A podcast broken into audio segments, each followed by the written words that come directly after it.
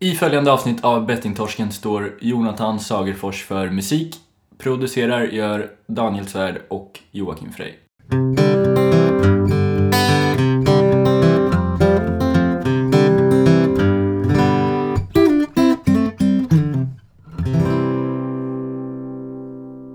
Du har din eh, bira nu, som du har väntat. Det är lördag! Oj! Ja, välkomna alla underbara människor. Du, alltså. Ja, jag tror du tänkte på lyssnarna.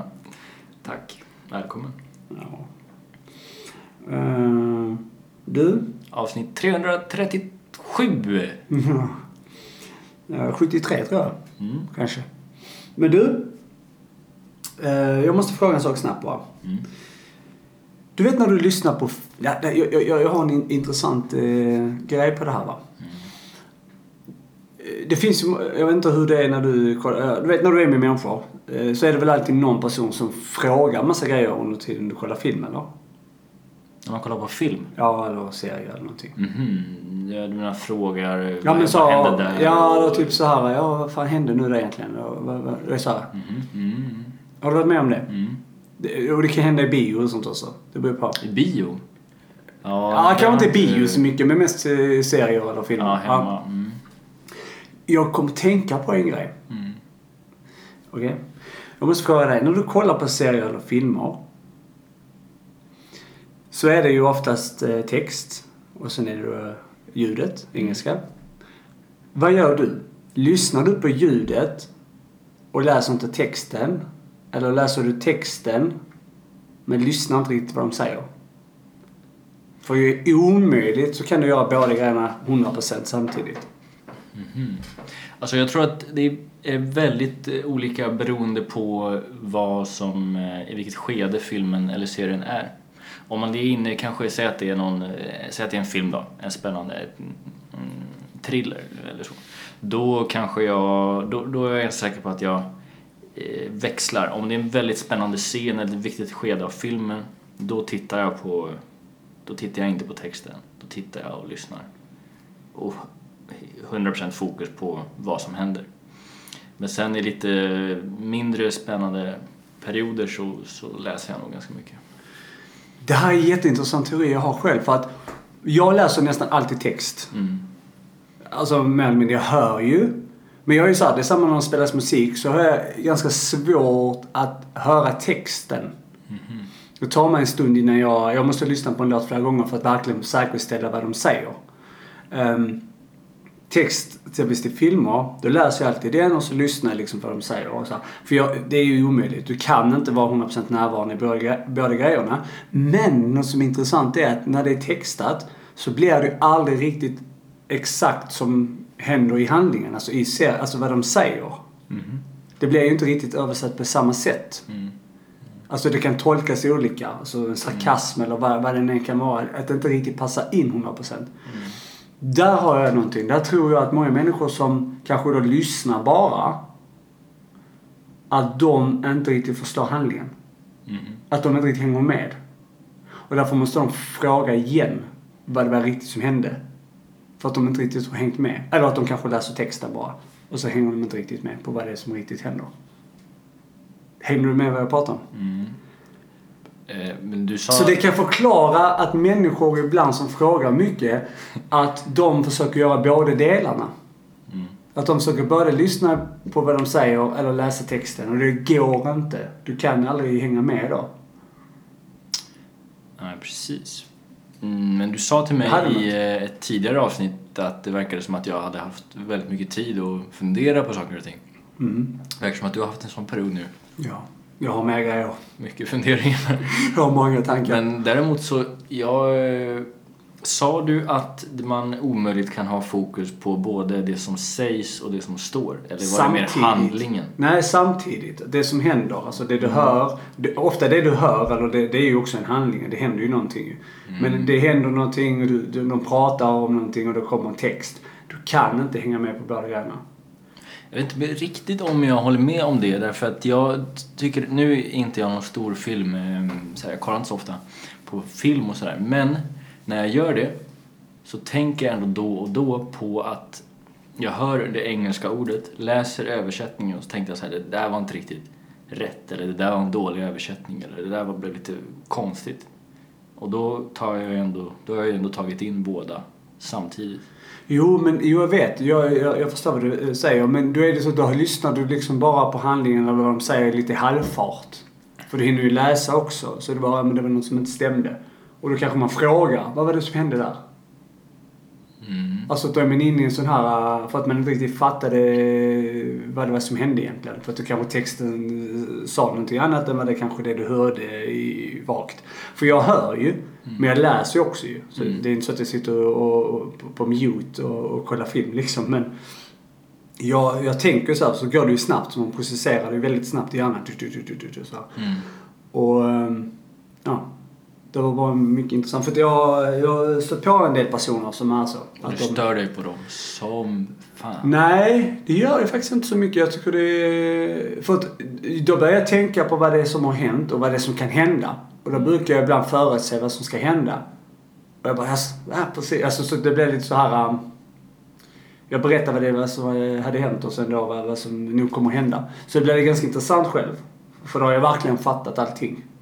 När det blir rätt. Och det händer ju alltid. Så. Har du inga serietips då? Du brukar ha det på hösten. Ja men det har vi pratat om tidigare. Vår tid nu är ju, det är ju den man, men det är ju Jaha, svensk. det är bara den som gäller då. Ja, den går varm nu. Den Mm. går varm. Sen är det ju... Är den slut snart då? Ja, säkert snart. Jag vet inte exakt. Jag hoppas inte den tar slut. Mm. Sen eh, har jag inte varit så jättebra på att... Eh, jag har kollat mycket film. Jag har kollat, eh, och vad bra den var, A Star Is Born. Mhm. Eh, med Lady Gaga och Bradley Cooper. Mhm. Det är lite så kärleksfilm. Jag är lite kärleksfull också så det är bra. Lady Gaga. Jag visste inte att hon gjorde filmer också. Mycket bra film. Mycket bra film. Vad är det hon heter på egentligen? Eh, Lady Gaga. Nej, Ja. jag, jag vet inte. Eh, sen, eh, vad fan har jag kollat på mer? Jag kollade ju på ehm, en film om A Prayer Before Da- Dawn. Mm. A Prayer Before Dawn. Det är också en, eh, ny film. Som, eh, det handlar om en, eh, en kille som eh, åker i fängelse i Thailand. Mhm. Och eh, eh, kickboxare tror jag. Mm. Mycket intressant film också. Mm. Så att eh, det är mycket film som har hänt, inte så mycket serier. Mm. Mm. Bra. Ja, Det tackar vi för. det var bra.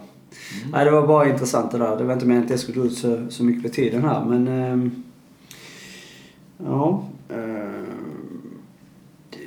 en annan grej som jag tänkte på. Mm. ehm, det är...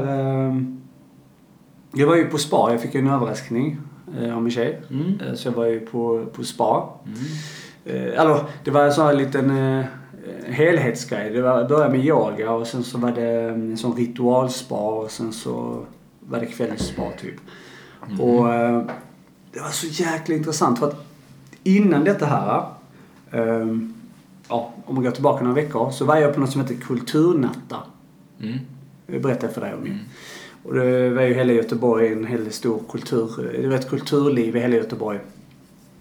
Och då var vi och besökte olika grejer då. Jag eh, var inne på ett eh, tibetanskt eh, buddhistiskt tempel typ. Mhm. Det var intressant. Och där eh, mediterade vi. Mm.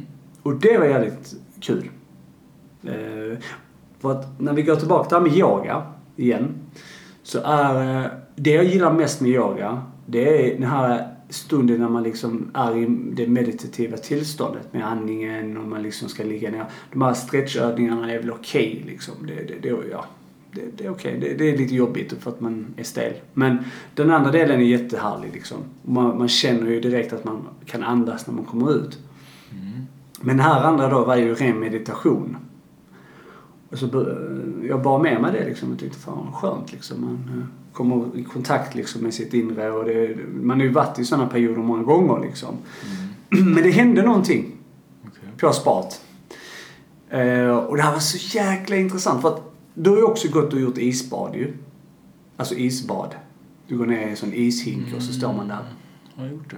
Ja, det kanske jag har. Ja, ja. Eller har du aldrig gått ner i is, eh, ett ishav och sen upp i en bastu? Mm, jag vet inte faktiskt. Jag är, kanske, ja. Ja, okej. Mm. Jag utgick Nej. från... eh, Du är ju liksom friluftskille så jag tänkte... Aha. Ja. Det- Ja, okej. Ja, fortsätt. Mm. Ja. Eller? Är jag fel? Nej, jag ska tänka om jag har gjort det någon gång. Ja, jag är osäker. tänk.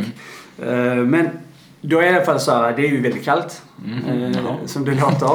Det var som fan.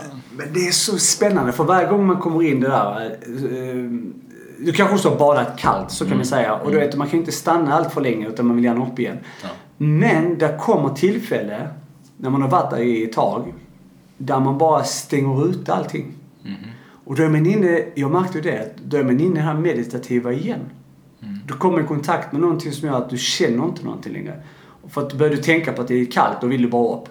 Mm. Men är du där i, så bara försvinner smärtan. Mm. Det gör inte ont längre. Och du kan stanna ganska länge liksom. Och, ehm, och så bara, jätteskönt liksom. Och så går man upp. Så kan man göra det några gånger liksom för att det verkligen ska bli bra för, för blodcirkulation och så här. Och samma sak hände och du vet, då var det liksom, där, där fick man den här kontakten med sina inre eh, energier, liksom, in- inre känslor. Alltså den här riktigt inre, att man kan kontrollera eh, kraften i sig själv. Att det inte gör ont och liksom, och skönt. Så gick jag in till bastun och det var jättevarm eh, bastu. Det var någon sån tysk variant. Eh, Asch någonting, jag vet inte vad det var. Men eh, de har en ritual i en sån också där de springer omkring och eh, kastar dofter på en typ. Mhm. Det är jätteskumt. Och fläktar och så här. eh, Men det var bara. Men jag stannade kvar i den bastun efter. Och eh, det var väldigt, väldigt varmt och alla gick och sånt. Och så satt jag där och jag bara höll på att dö. Du har också varit i en bastu. Um, och det blev jättevarmt. Men i det tillfället där så gick jag också i en sån här meditativt tillstånd. Där jag kände ingen värme. Och jag bara satt där. Och bara så här typ halvt stirrade på en sån knapp utanför. Och det var så skönt. Det var helt så befriande, du vet. Man bara kände, fan vad underbart. Alltså jag hade så riktig kontakt med mig själv. Som inte direkt har upplevt på det sättet. Eh, och i bastun så var det en kille som jag inte kände som var kvar. För att alla gick och han satt kvar. Och du vet hur det är när man är i en bastu eller man är i ett sammanhang med människor. Och så känner du en energi. Man känner ju en energi att personen vill ha en kontakt eller man vill bryta någon pinsam tystnad eller någonting. Att man måste prata för att inte det ska vara eh, konstigt för nu är vi bara två. Alltså förstår du vad jag menar? Du kanske upplevt det själv. Mm. Är du med? Och när jag satt där så kände jag den här energin från han. Alltså jag, jag kände den. Och jag bara tänkte så här, jag bara andades och så bara tänkte på min andning, tänkte på min andning och så försvann hans energi. Och efter en liten stund så gick han därifrån. Det var helt otroligt. Ja, jag ville bara dela med mig av den erfarenheten i alla fall. Men det var helt otroligt alltså. Men eh, det är ju väl...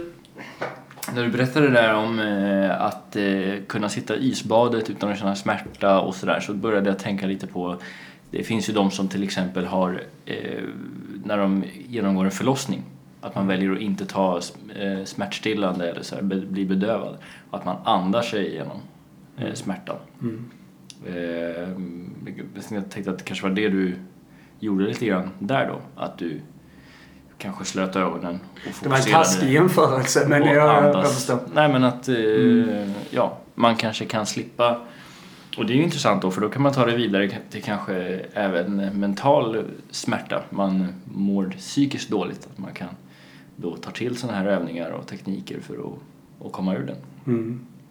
Ja, exakt. Ehm, Men, men just det med energin, det, det som är kanske mest intressant, att jag är så här att när jag sitter i ett sammanhang med andra människor så har jag hela mitt liv tagit mig an den rollen att det ska vara bekvämt. Mm. Det ska, det ska vara en bra stämning. Så att är det människor jag inte känner så kan jag gärna prata lite för att det ska, småsnacka för att det ska kännas bekvämt för alla.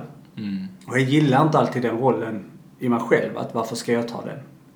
Eh, och det pratar jag en del med min psykolog om också. Så här, hur eh, man kan tänka på ett annat sätt. Liksom. Och, men just det här, det är det närmaste har kommit i just den här... Men du vet, du, har du varit med om det här, den här riktiga energin från någon annan? Du känner energin att nu måste vi bryta tystnaden. Vi måste. Och så är det alltid någon som måste säga någonting. Och jag kände den. Och det, alltså den var så närvarande. Det var ungefär som att jag kände, det var som en hand. i ansiktet. Alltså du vet, alltså, det, kändes så fysiskt på mig. Och jag bara lät den med hjälp av andningen försvinna. Helt och hållet. Och så efter bara några 10-20 sekunder så gick han ut därifrån själv. Alltså det var inte så... Alltså det var inte så att jag, jag inte gillar människor. Alltså jag kan gärna prata men i det... Just där och då så kändes det så mycket skönare att bara sitta och, och kontrollera mig själv i, i värmen. Men du, din teori då att han, eh, tysken där, eller han var inte tysk. Nej, var bastun som var det var, det var tysk. Han, eh, han kände också då kanske att den här eh, spänningen er emellan försvann. Därför att en beståndsdel, du då, Mm. eh, ignorerade den eller så. Och då fanns det ingenting där. Och, så då gick han. För det blev ointressant liksom. Mm. Mm. Eller? Jo, men det kan nog vara det. Mm. Det kan nog vara det. Typiskt tyskar. Bara gå. Men det var, han var ju inte tysk, men okej. Han får vara tysk idag. Men eh, ja, det var, det, jag tyckte det var mycket... Jag var på bröllop för ett tag sedan ju. Ja. Och då uppstod det här, det uppstår ju ofta, för det blir ju mingel ofta på bröllop. Ja. Eller det är i alla fall de jag har varit på så har det blivit lite mingel. Gillar du det eller? Jag vet att du inte gillar mingel. Jag hatar mingel. Ja. Men, vi, vi har ju varit i situationer många gånger där vi har mingel. Ja. Ja, jag, eh, avskyr det. Alltså. Men det är just för att, eh, men då blir det den här, man står bredvid någon. Man borde prata, man borde säga något. Men då, eh, jag kan inte det. Jag tycker det, och det är, men det är just för att det blir det här eh, tvånget, eller att det är så förutbestämt. Det är skittrevligt att babbla med vem som helst, men just när det är så här, nu ska ni ut dit och nu ska ni prata och mingla och kallprata. Det är hemskt alltså, tycker jag. Alltså, jag gillar ju inte det heller. Alltså, jag klarar av situationerna. Men då tar du ju ansvar där och, och gör det. Det är det som är problemet. Och det, det vill jag ju inte. Det är ju det jag brottas med, att jag inte vill. Jag vill ju kunna... Och, och, men det är också att man kan ju uppfattas som en bitter, butter människa. Du är så här en riktigt tråkig person som inte vill ha kontakt med människor. Men det, är- så är ju inte sanningen. Utan det är bara att jag vill spara min energi. det är så här, jag vill gärna ha kul men just det här tvångssituationerna. Eh, Och det blev väl i bastun där var ju också det någon form av tvångssituation för vi var två och bara för att det inte ska vara någon konstig tystnad eller en stämning. Det, det är så intimt. Man sitter liksom i en, i en bastu. Var ni nakna eller? Ja, nej det var, det var ju en sån för alla. Alltså, eh, Handduk. Ja, nej det var badshorts och handduk under liksom. Mm. Men det är, ändå, det är ändå intimt. Man sitter liksom, det är ju kroppsvätskor och, Mm. för man svettas ju och det är ju liksom så här, man, man kommer ändå in på varandra förutom, alltså det, är- det är ju så nära Mm. varandra på något sätt. Och, så, så att, och då vill man ju ännu mer bryta tystnaden ju. Mm. I sådana situationer. Men de här tvångsminglarna det är ju jag förstår inte ens vad de existerar. Framförallt, inte när, framförallt det här med att det står på en agenda att det här ska ni göra under dagen. Mm. 8.00, då är det möte. 10, då är det en liten break. Så här, 11, mingel. Ja, det står nej. mingel ja. Det är så sjuk företeelse. Alltså jag gillar mingel och prata med människor. Eh, när det inte behöver vara tvång. Ja, men det här det var ett bra exempel, det här schemat du sa, för det finns överallt. Hade det stått istället för mingel, paus bara. Mm. Då Exakt. blir jag mycket mer lös, sl, lössläppt. Sjukt. Alltså inte det, utan... eh, Ja, vad fan, vad heter det? Avslappnad. Då kan jag babbla. Då kan jag gå fram eh, och jag menar fan vi har ju båda, båda haft som yrke i flera år och ta kontakt med folk och hoppa på människor och prata med dem. Så det tycker man ju inte, eller det tycker inte jag är svårt. Men det är just det där, nu ska du göra det. Det, det är konstigt. Så vill ni... För då blir det så här, man pratar med två, då blir det den man pratar med, då är det så här underförstått. En jävligt jobbig, apropå energi som ligger där, vi pratar inte med varandra för att vi har lust med det, utan för att det står på schemat. Inte bra. Men vill ni uppleva den lössläppta Daniel så ska ni gå på bjuda in på en paus. Då, då är jag down. Down for the underground. Danny is down. Ja jävlar vad stökigt. Jag har flera grejer jag vill ta eh, så att... eh, Kör på. Ska jag köra eller? Ja, det känns som att Ta det... tag i taktpinnen. Ska fortsätta med det. Jag har... Eh, eh, jag har... Eh, jag har några grejer här som är mer allvarliga faktiskt. Och det handlar ju mer om spel. Eller det är ju kopplingar till spel framförallt. Eh, För det är ju det den här podden handlar om. Mm, ibland. Ibland. Eh, det här är också något som jag har tänkt på länge. Men eh, jag har inte kanske pratat så mycket om det. Jag, jag, jag kommer ju mina scoops ibland med ensamhetssyndrom och lite andra så här fina grejer. Eh, nu är det en annan grej. Och det är det här med att det finns något som... Det, det finns ju en Daniel och du, du är ju du. Mm. Ja, du är ju en person. Sen finns det något som är en annan sida av dig som inte syns och det är en handling. Mhm. Och i handlingarna, så det är ganska bred, det spektrat. Det är ganska brett. I handlingar kan det finnas eh, allt som händer. Eh, vad du gör om dagarna. Eh, du går till skolan, eh, får jobb. Eh, eller du jobbar i skolan. Ja. Mm. Men det finns också eh, ditt beteende. I beteendet kan det finnas eh, sjukdomar och andra grejer. Eller, inte just kanske beteende, men det har en del med sjukdomen till spelberoende att göra. Det finns också Eh, alkoholism, det finns alltså psykisk ohälsa, det finns andra sjukdomar som har ihop med kanske handlingarna och vad som händer. Um, och sen är det då en person som är Daniel och den här personen eh, är kanske ett barn fortfarande i i sin kropp eller någonting. Den, eh, den, den kan vara präglad av sina handlingar. Är du med? Och personen Daniel är fantastisk. Han är snäll, han är omtänksam, han visar empati, han är solidarisk, han, eh, eh, han är fin helt enkelt. Han är en bra människa och han gör gott i samhället, han försöker bidra med så mycket han kan eh, till så många han eh, kan bidra till. I sin person. Ehm, men handlingarna är de som kanske då du inte identifierar dig i eller försöker identifiera dig i. Att nu är du också en spelare, fotbollsspelare. Det är ju en handling av det du gör. Det är ju inte du som person. Du tror att du är en fotbollsspelare som person men det är bara den handlingen du gör för du slutar med det sen kanske. Och då har man en kris. För då vet du inte personen Daniel längre vem han är. Förstår du vad jag menar? Det här, för att komma fram till något intressant i detta, det är att man måste särskilja på person och handling. Det är jätteviktigt. Jag tror många människor, inklusive jag själv, eh, jag har ju straffat mig själv. Eller, jag, jag har ju lidit av en sjukdom under lång tid som kallas spelberoende och i den sjukdomen eh, har jag handlat mycket fel. Jag har betett mig väldigt dåligt, jag har haft eh, ett helt annat beteende än vad jag kanske har idag. Det som händer när människor ser mig eller har mött mig i, i situationer där jag har eh, varit, eh, vad ska man säga, eh, där själva min person har varit uppslukad av mina handlingar så tänker personen att jag är bara en skit. Jag är bara en äcklig människa och jag är bara det och det och det för det här är det jag har gjort. Men, de, men de vet ju egentligen vem jag är som person men de, de ser ju mig som en handling bara. Och därför hatar de mig och de vill aldrig prata med mig längre. Förstår du vad jag menar?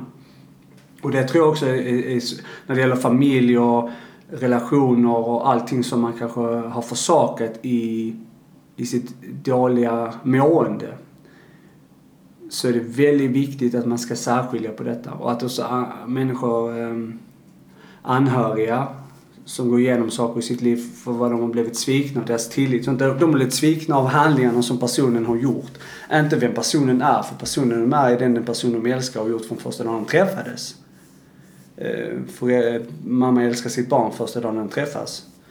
Och, ehm, och det är bara det jag ville komma fram till. Det är helt enkelt är att man måste, alla människor måste lära sig mer att förstå att det finns två olika delar i det här. Om inte man visste det innan. Man kan inte döma människor för deras handlingar. Utan man måste förstå att det är en handling och hur gör du med den handlingen idag? Försöker du få hjälp med den? Nej, det gör du inte. Okej, det är inte så bra. Då, då tror den personen fortfarande att den är den, alltså att den är drabbad av det här beteendet. Som Mm. har ihop med handlingarna att göra. Blev det komplicerat eller förstod du vad jag menar?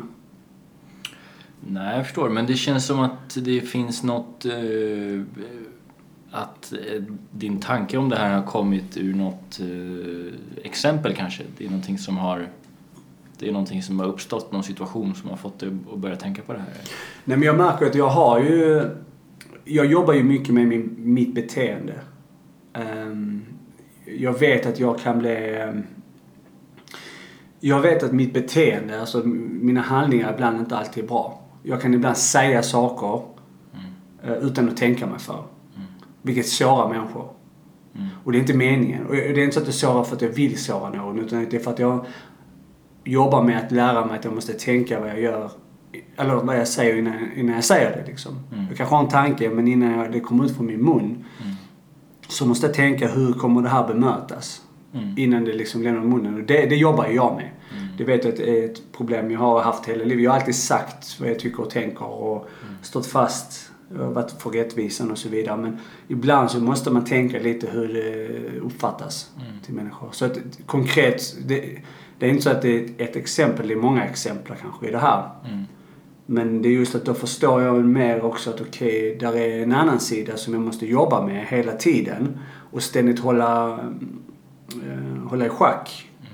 För att inte det ska drabba mig som person som vill ge så mycket annat till människor. Som har något positivt. Mm, jag förstår. Det finns, ett ut, det finns ju ett uh, uttryck som uh, man har använt länge som man brukar säga så här, skilja på sak och person. Eller hur? Det hör man ju. Och, sen så, och nu säger du skilja på, på handling och person. De är ju kanske lite besläktade då. Men jag tror att, eh, om jag har förstått det rätt, att det handlar helt enkelt om att försöka så ofta man kan visa förståelse eller försöka sätta sig in i en människas eh, situation. Och det kan man göra för att försöka undvika eh, konflikter eller besvikelser eller mm, känna sig sviken eller vad det nu kan vara. Om det händer någonting eh, som man... Mm, ja, nu kommer jag inte på något bra exempel så här direkt men att försöka hela tiden, om man tycker att en människa gör en handling som är fel eller elak eller liksom ond eller vad det nu kan vara. Att man innan man liksom flippar över och, och skriker och gapar och blir helt tokig, att man försöker att tänka efter vad är det som får den här människan att göra det här? Och vad är den personen i för sinnestillstånd just nu? Som, Mm. Och var kommer det ifrån? Och att man kan eh, liksom mötas i det. Eh, och försöka sänka sin, eh, sin gard lite. Eller om, om man märker att en person är väldigt offensiv och liksom så på kanske och lite irriterad. Att man inte själv bemöter det med sin egen irritation direkt. För det sägs självt att det kommer inte gå. Det är som två pluspoler Mm. på varandra liksom. Utan att man är, är lite laid back och ja, ja, visar förståelse helt enkelt. Ehm, för alla. Jo men så är det ju. Och det är just där att mm, det ska inte liksom byggas upp eh, en stor bitterhet mot en människa. Mm. Eller ett eh, tillit.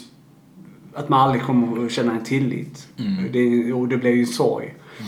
Och, och, och så att man måste förstå vad har den här personen gjort? Vad har den här personen gått igenom? Mm.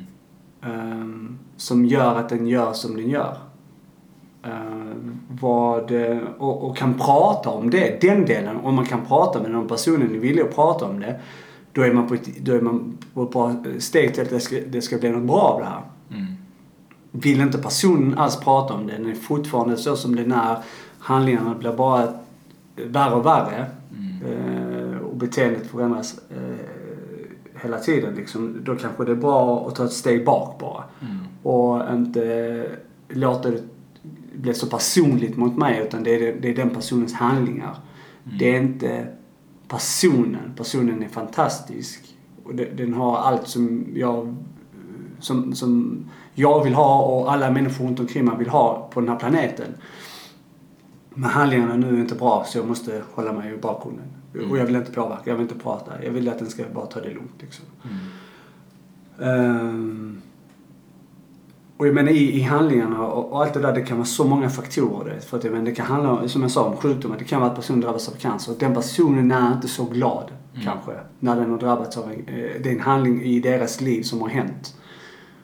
Det betyder inte att personen är cancer. Det betyder att den har sjukdom och måste bemästra.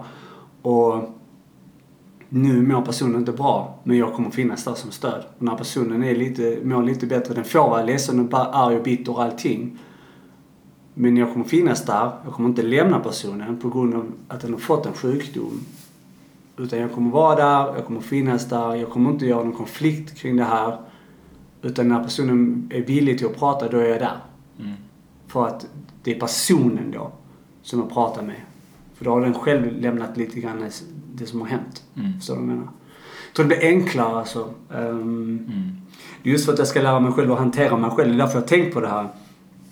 Att jag vet att okej, det finns två sidor. Um, och med, men den, den sidan är ju inte i närheten av hur den var för kanske två år sedan. Mm.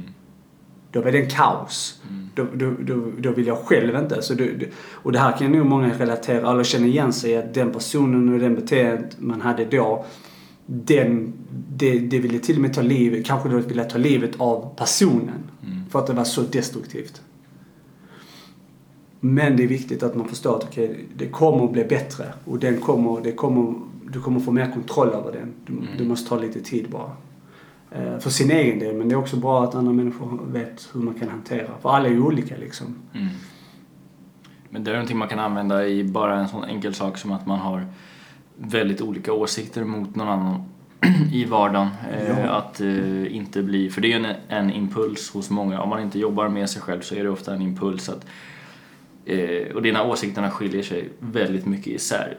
Att du säger att det är, väldigt nyttigt med alkohol kanske du tycker och så säger jag men det är inte alls nyttigt och då tycker vi jätteolika. Och då är ofta impulsen att ah, men, fan, du är dum i huvudet som tycker så. Men att man istället funderar då, men vad har du för erfarenheter som gör att du har fått den eh, åsikten? Eh, eller känslan. Eh, och det kan man använda i sin vardag i, eh, ja, våra politiker kan lära sig av det. Mm. Många. Så att, eh, Men det är just därför i spel liksom att vissa tycker att man kan spela mm, och vissa tycker inte det. mm, Och då är det bra att kunna ha förståelse över blocken där. Ehm, mm, Men det är, som du säger, det är också politiken. Men det finns ju... Det är inte så att när du, när du föds så är det inte så att du föds med en ideologi. Den Mm. formas av något. Och det är ju det du måste förstå för att lära känna personen och att det ska kunna finnas ett bra samarbete här på, i vårt samhälle liksom. mm. Eh, ja. Ja, så var det med det. Så särskild eh, handling mot person. Mm. Bra. Då har vi slagit fast det. Mm. Tänker du mycket på moral annars? Ehm, ja. Vad tänker du på? tänker på... Nej men, alltså i... Jag tycker att eh, en... Eh, diskussionen kring, eh, kring våran moral är, är ganska intressant därför att den har ju mycket att göra med, med spel. Man kan ju tycka ibland att det är många som saknar moral i den här branschen och, och hur man, en känsla för hur man ska bete sig och sådär. Men, men just moral är väldigt intressant för det är ett av få ämnen, eller vad man ska säga, som är olika hos nästan alla människor. Alltså alla har sin egen moral. Liksom. Ehm, jag kanske tycker att det är... Eh, ja, jag vet inte. De... Ehm, som ett bra exempel då, för någon vecka sedan här så uppdagades det, jag vet inte om du, du läste det, gjorde du säkert om det här bankerna som hade på något sätt eh, någon, eh, svindlat bort massa pengar från samhället, mycket Tyskland och sådär. Det var någon siffra, 70 miljarder kronor har svindlas bort från, eh, från eh, pengar som ska tillhöra samhället. Eh, och det är då människor som har, eh, många av dem, ett överflöd av pengar redan. Och då tar pengar från sådana som eh, behöver dem mycket bättre. Eh, och det, det tyckte jag var väldigt omoraliskt och då hade jag den här diskussionen med en annan person och vi, vi pratade om att eh, man kanske att det där med, med till exempel skattefiffel och sådana som bankerna håller på med, att det är väldigt många privatpersoner, vanliga inkomsttagare som håller på med det också fast det är lite mindre skala. Man kanske drar av, gör ett avdrag som kanske inte var helt eh, fine eh, eller sådär. Och då hamnade vi just i diskussionen där jag tyckte att ja, men det är väl okej om en vanlig arbetare med en vanlig skitlön gör en liten, liten grej för att få ut en liten extra krona. Men en, en banktjänsteman som är vrålrik eh, lurar samhället på många miljarder. Det tycker jag inte är okej, till exempel. Ehm, och vi pratade om, om eh, ja men säg att man är till exempel, man är hemlös eh, och man går eh, hungrig. Då, och, och, man, och man får ett litet infall att kanske stjäla en eh, matbit då, säger vi. Eh, det eh, är ju på ett sätt omoraliskt men det eh, tycker ju kanske ganska många tror jag är eh, okej ändå för att den personen är väldigt utsatt. Så. Mm. Och eh, jag funderar lite kring om det är ens, eh, om det är ens, eh, det här ordet som vi använder då, moral, om det ens eh, finns eller om det är så pass eh, dystert att det är helt enkelt pengarna som styr i det här samhället som, som är byggt på pengar. Då.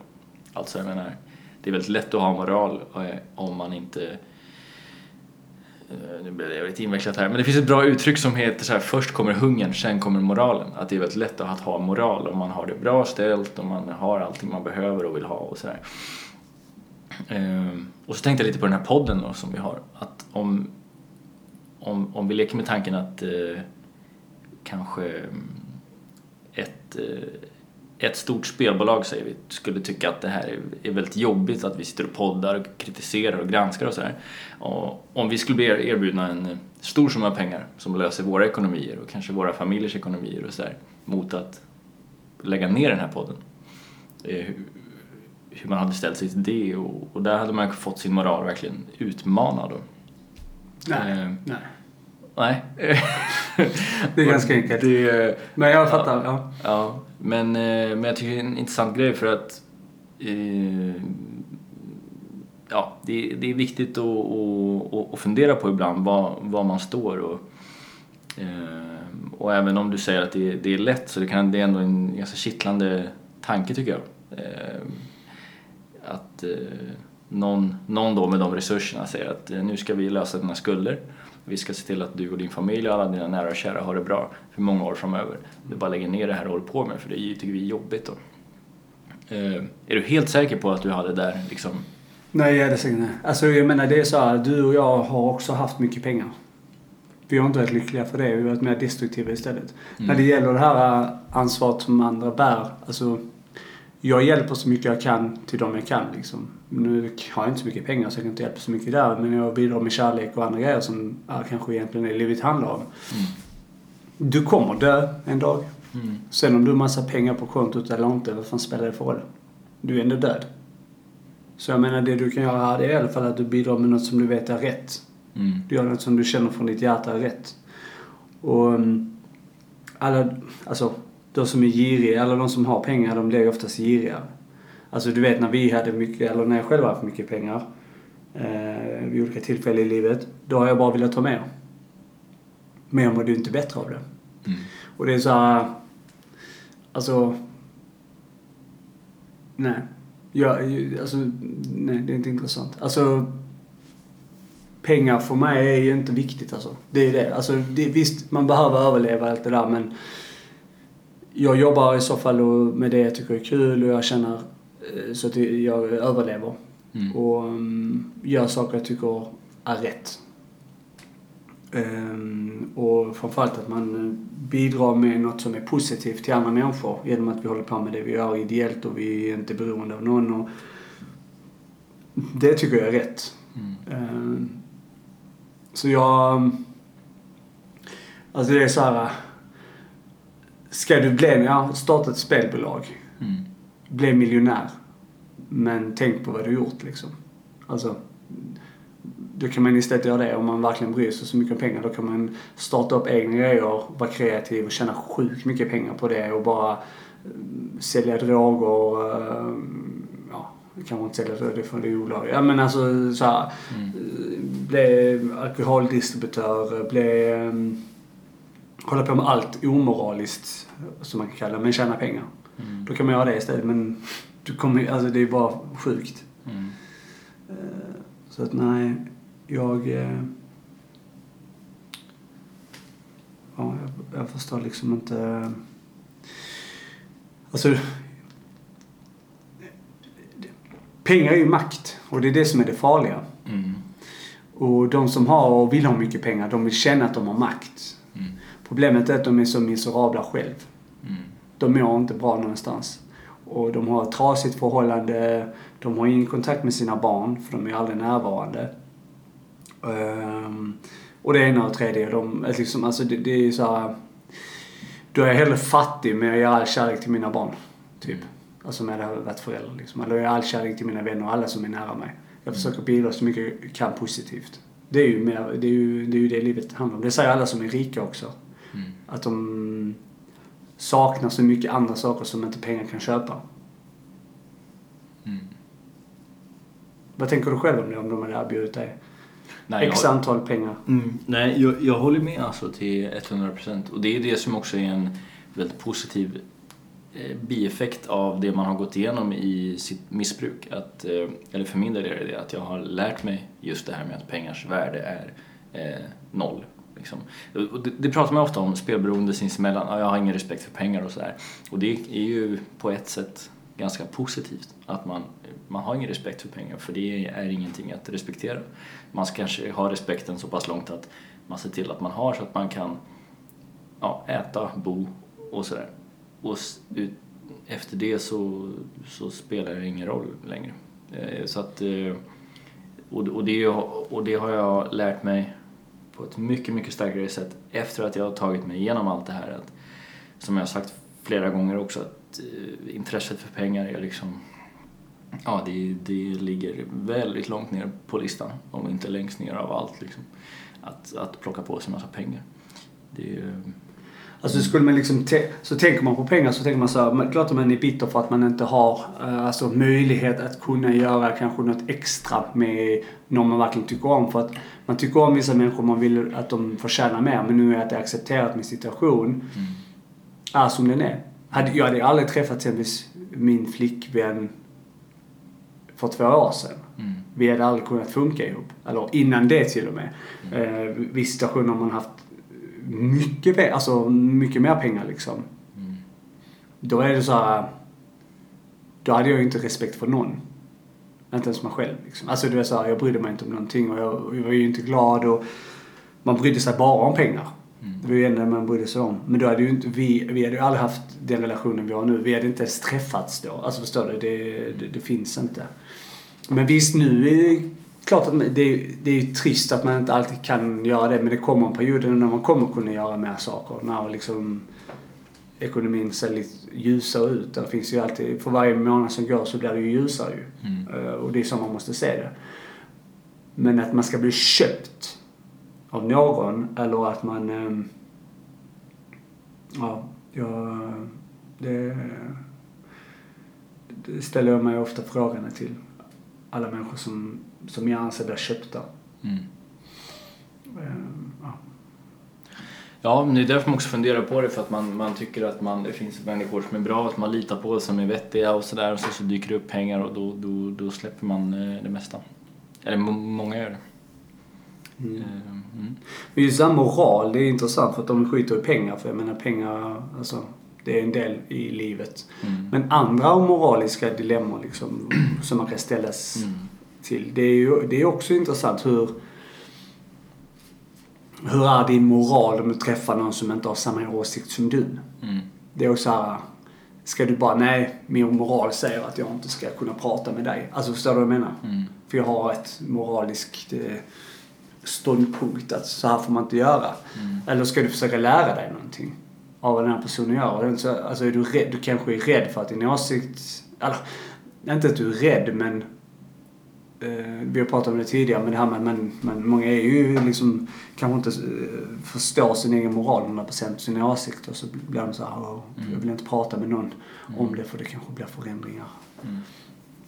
Men här jag tror man ska släppa mycket på moraliska grejerna. Det är vissa grejer att man ska liksom inte luras och man ska alltså de här goda grejerna att man ska liksom inte eh, missbruka människor. Alltså man ska liksom inte eh, få sina, eh, man ska få igenom allt det man vill bara för, alltså man, nej men du vet det finns så moraliska eh, delar som man kanske borde tänka oftare på. Och det handlar inte om pengar utan det handlar bara om situationer. En handling eller ett, vad det kan vara. Varför gjorde du på det sättet? Mm. Som, vad är din moral i det här? Du får ju vara mer rättvis till de andra människorna. Mm. Alltså, jag menar, du kan ju inte bara ge beröm till den personen. Det är ju två andra som gjort ett bra jobb i det här. Du får ge beröm för de andra också. Det är också en sån moralisk fråga. Mm. Så det är ganska... Men det är intressant. Eh, Vad tyckte den andra personen? Det är bra. De rika ska bli rikare. Nej, Det är många som tycker så ju. Vi var väl hyfsat överens men, det, men jag tycker det är intressant att man kommer in på såna här konkreta frågor. Många skulle till exempel säga, tror jag, att det är väldigt omoraliskt att vara sån här eh, freerider på spårvagnar och sånt. Man åker utan att ha biljett då. Eh, det tycker inte jag till exempel. Jag tycker det är, jag tycker det är fine för jag tycker det är bedrövligt att det kostar pengar för, för oss vanliga när, när vi skulle kunna, eh, det borde vara gratis tycker jag helt enkelt, kollektivtrafik liksom, för att vi är så hårt skattebelastade och då, då väljer jag att inte köpa en biljett och hoppa på och åka ändå för jag tycker att det är fel att jag ska betala för det. Och det skulle ju säkert många säga, men det är omoraliskt, man ska följa reglerna och man ska säga, men och det där jag menar, ah, där har alla sina olika, så det är svårt att eh, det är svårt att kritisera folk för dålig moral för det är så himla olika från person till person vad, vad det är för något. Men med skatten och allting så betalar du för att lov att gå på de här äh, vägarna och allting. Om staten bygger äh, stationer och grejer så ska du kunna få åka på dem. Ja.